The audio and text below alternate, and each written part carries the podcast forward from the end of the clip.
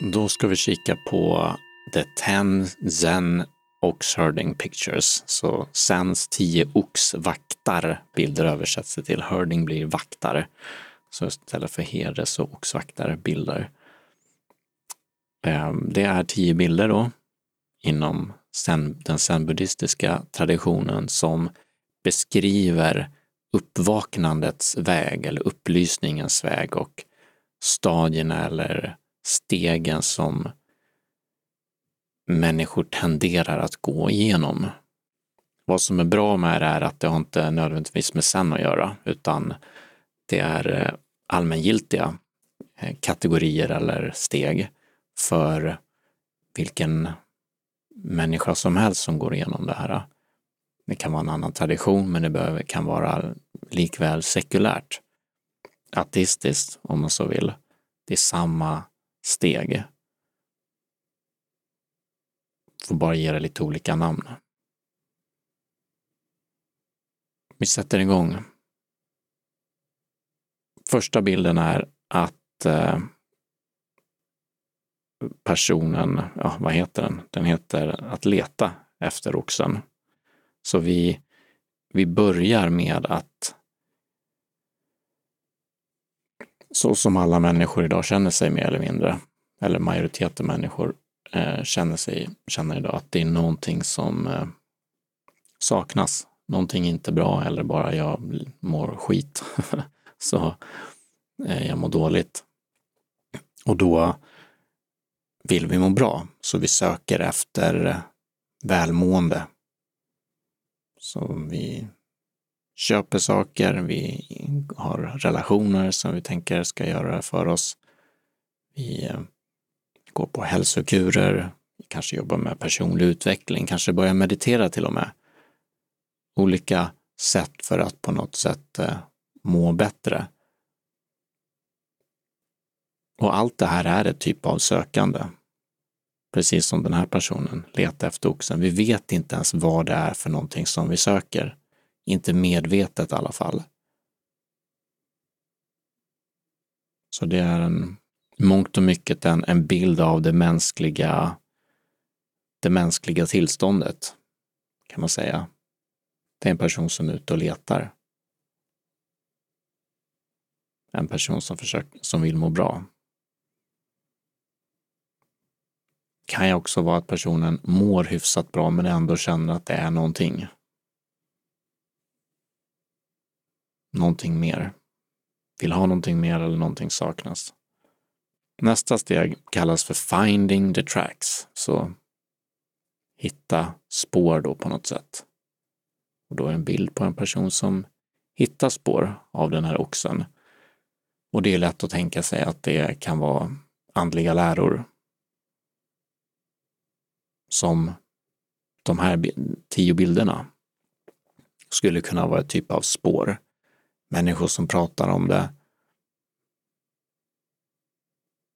religioner som pratar om det. Det kan också vara på det här sekulära ateistiska hållet, eh, prata om medvetandetillstånd som kan göra att vi blir fria från lidande. Så det behöver inte finnas någon dogma, religion eller tro eller den typen av tro åtminstone. Men någonting som gör att vi, här kanske vi kan hitta. Och, och det finns ju som sagt många sätt att söka lycka på, men det här handlar då specifikt om uppvaknande. Att finna sin sanna natur, vilket oxen är en metafor för. I en annan religion, religion kristendomen då, skulle det kunna motsvaras av typ Gud, även om Gud kan vara ganska många olika grejer. Inte nödvändigtvis den här sanna naturen som beskrivs sen, men Godhead har jag förstått är många gånger liknas vid det. Stora självet inom Advaita Vedanta. Buddha-naturen, Christ consciousness kanske man också kan säga. I alla fall, här hittar personen spår och börjar följa dem, kanske börjar meditera, kanske börjar praktisera någonting annat eller bara läser saker, har ett intresse för och söker någonting mer aktivt, alltså inte bara letar i mörker eller köper nya bilar utan engagera sig i saker som har faktiskt eh, går åt det här hållet då, åt uppvaknandets, upplysningens väg. Och meditation är ju en sån grej. Det är väl det vanligaste. Någon typ av meditation i någon typ av grupp. Eller det behöver inte vara en grupp, men eh, som tillhör någon typ av traditioner ofta, men människor kan göra det helt på egen hand såklart. Nästa bild, bild 3, är att se oxen. Då är det en bild på en person som ser, jag säger person hela tiden, det är en man ser faktiskt inte här, kan vara kille eller tjej, vi säger hen, någon som ser eh, bakdelen på oxen. Så jag ser inte hela, utan det är som en glimt. Man pratar ofta om kanske en liten öppning eller alltså medvetande öppning. Vissa kan minnas, eh, jag själv där ibland kan eh, ha minnen från barn, eller åtminstone något, någon enstaka eh, minne av att eh, som jag då kategoriserade i termer av att ha fastnat med ögonen. Det var det jag tänkte så det kanske hade hänt. Jag försökte förstå mig på dem, men jag var ute på gården när jag var kanske sju år eller något sånt där och någonting hände bara. Det skedde något typ av skifte och eh, i efterhand nu skulle jag säga att det var en glimt av min sanna natur eller ett annat typ av tillstånd som jag inte kunde kategorisera då. Så det här att fastna med ögonen som man gör, gjorde mer som barn, inte så mycket nu, men eh, var det närmsta jag kunde komma. Här är att personen i alla fall får en sådan typ av glimt och det kan man ofta få i meditation då, eller någon annan typ av andlig praktik, eller bara spontant. Det finns ju människor som inte mediterar en dag någonsin och går igenom exakt de här stegen, eller hoppar över dem för den delen. Det behöver inte vara sekventiellt så det behöver inte gå, ske i ordning, utan folk kan hoppa över vissa steg. Men det här är den generiska vägen i alla fall. Så personen får en glimt och kanske med det också lite mer smak kan man tänka sig.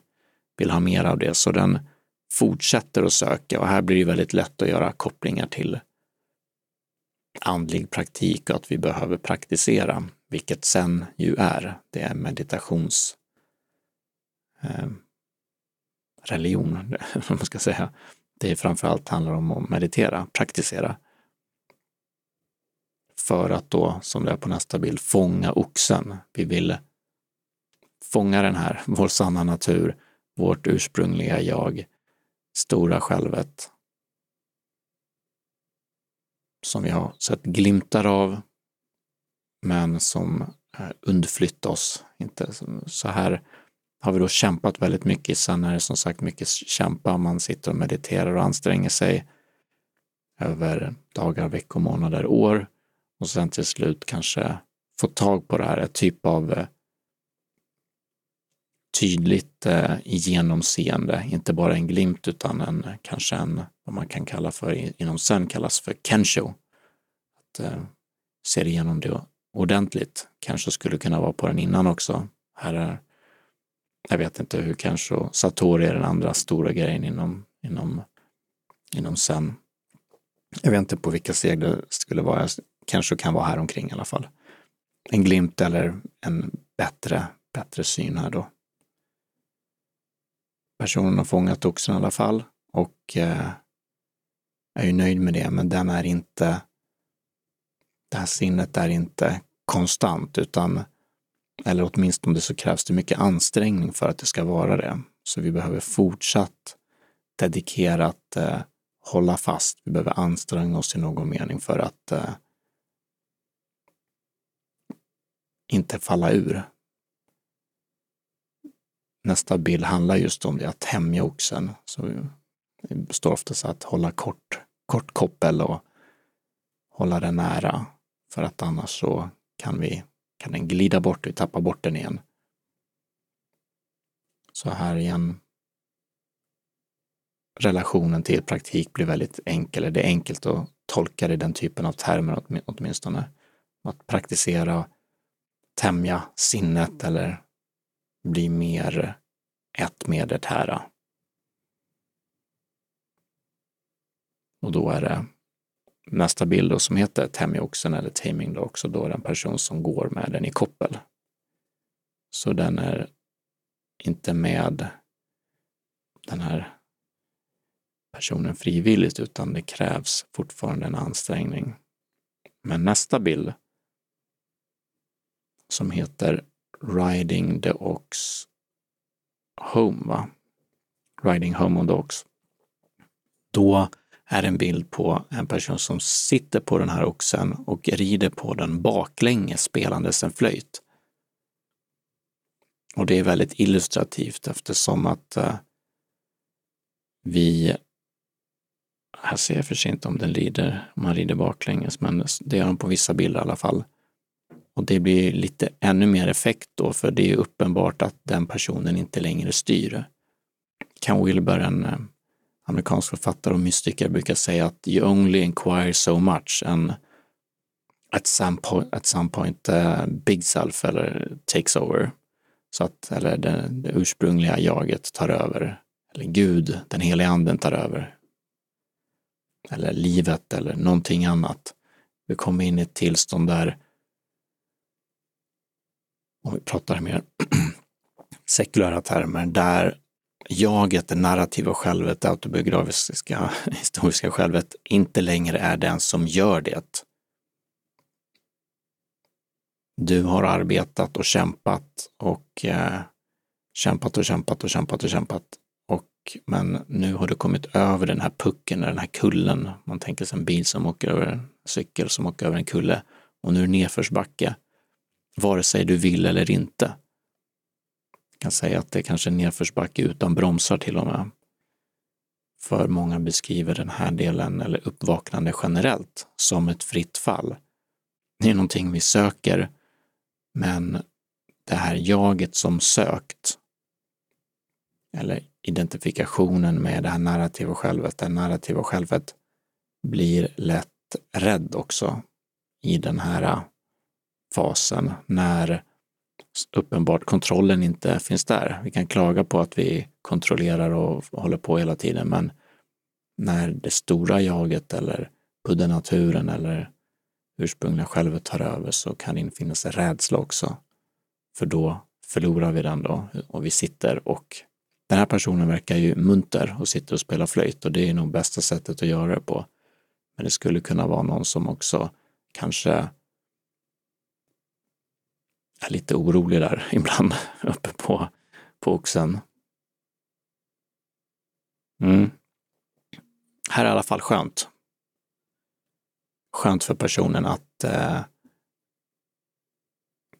inte längre kämpa. Det är inte längre en kamp för att behålla det narrativa, eller vad säger för att behålla det ursprungliga jaget. Det narrativa självet kanske till och med kan slappna av. Nästa bild heter att glömma oxen och personen finns kvar. Det är också en, en komma hem-bild kan man säga. Det är ett, ehm, ja, komma hem. Så personen rider hem på oxen och där kan också den här känslan av att faktiskt komma hem infinna sig. Det som vi i mångt och mycket har sökt efter hela tiden men inte vetat att det är det vi söker. Men när det infinner sig så inser vi att det var det här. Jag sökte mig hem till mig själv. Det finns så många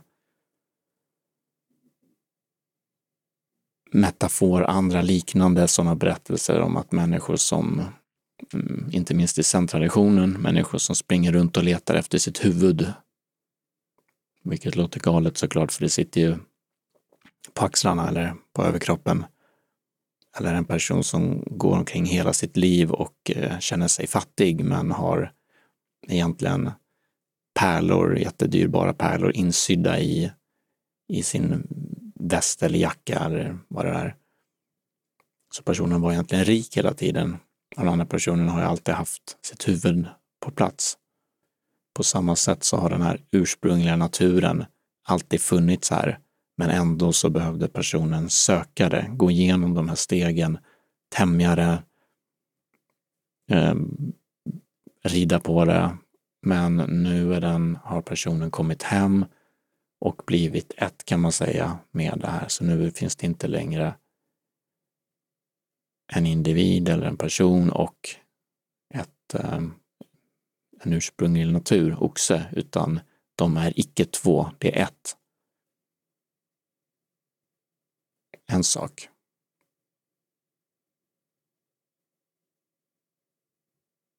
Och här har personen då kommit ganska långt på sin andliga resa kan man säga.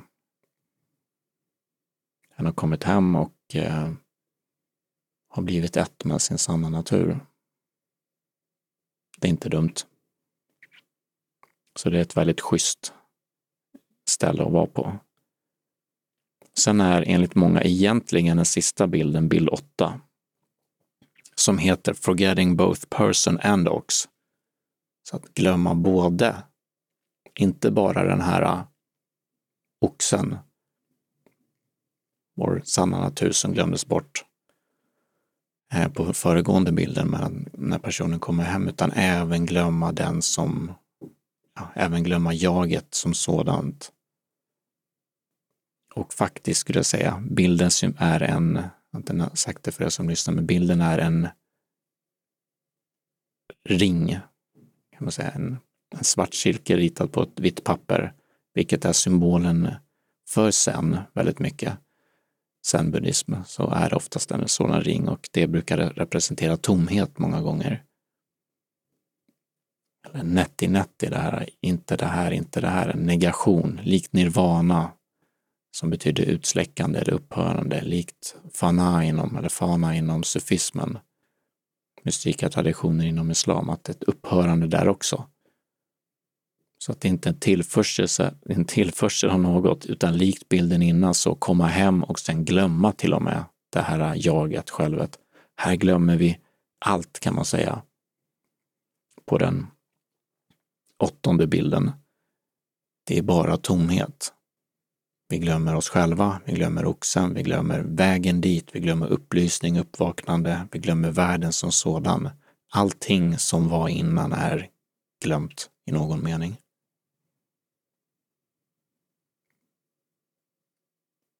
Även såklart andlighet eller icke-andlighet.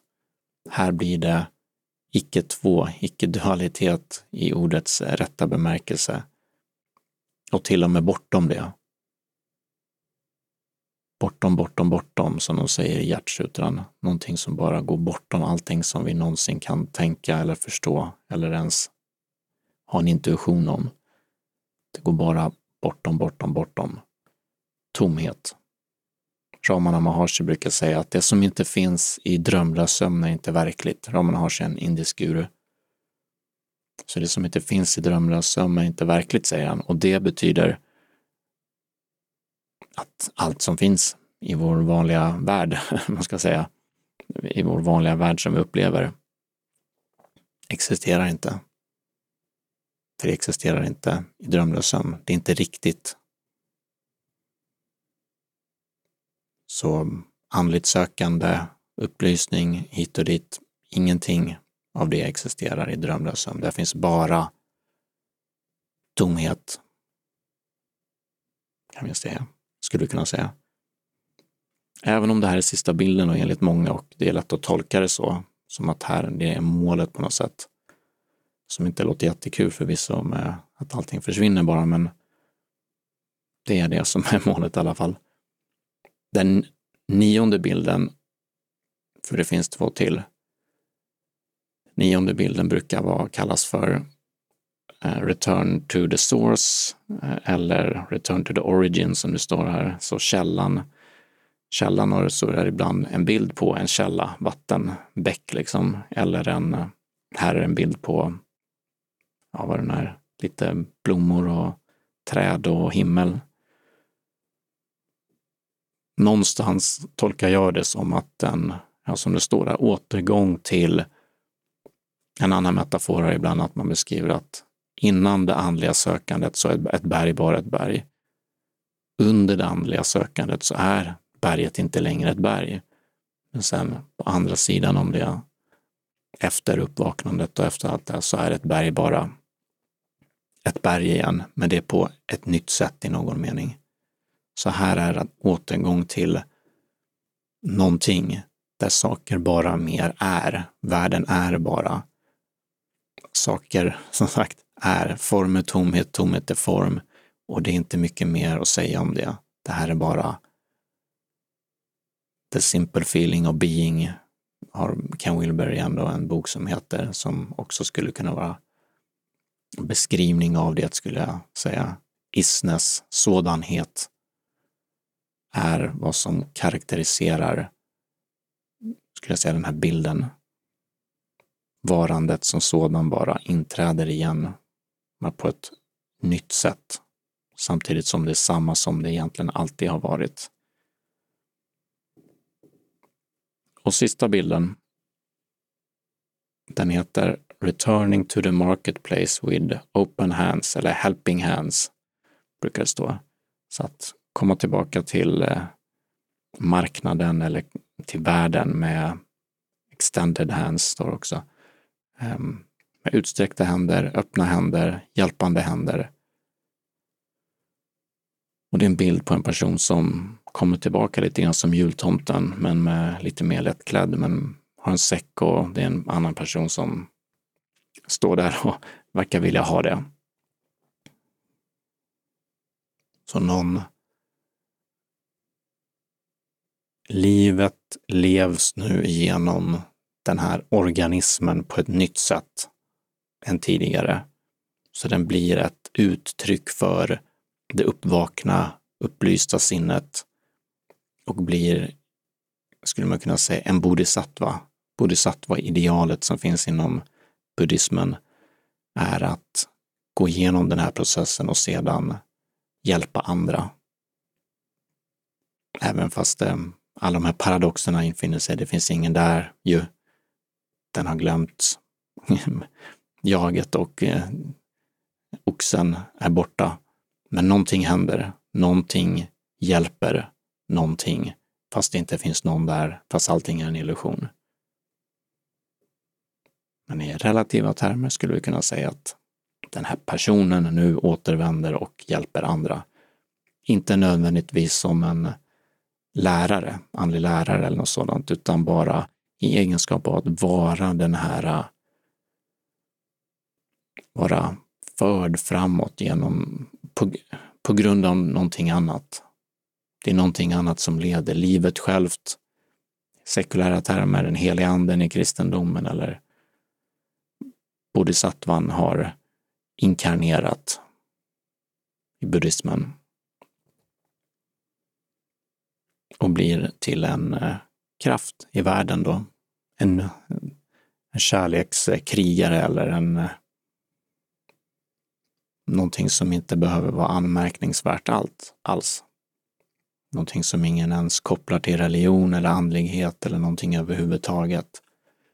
Utan en eh, förmåga här med skillful means som man pratar om ibland inom buddhismen, att kunna möta människor där de är och vara bara en kärleksfull kraft i, i samhället kan ta sig massa olika typer av uttryck kan man tänka sig.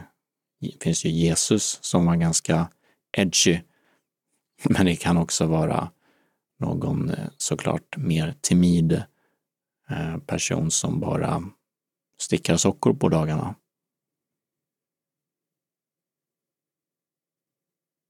Men åtminstone någon typ av återgång så att inte kanske sitta kvar bara på sitt rum. Men svårt att veta hur man ska tolka det. Man kan, i princip kan ju allt vara att faktiskt återgå. Att bara vara i den här världen utan att göra någonting nödvändigtvis. Men jag tolkar in någon typ av karma-yoga eller att göra någonting åtminstone. Vara en bodhisattva, göra någonting, vad det nu än är, som är ett uttryck för det här. Och det blir spontant naturligt för den personen eftersom den har glömt det som var innan. Så nu är det en ny kraft som rör sig igenom.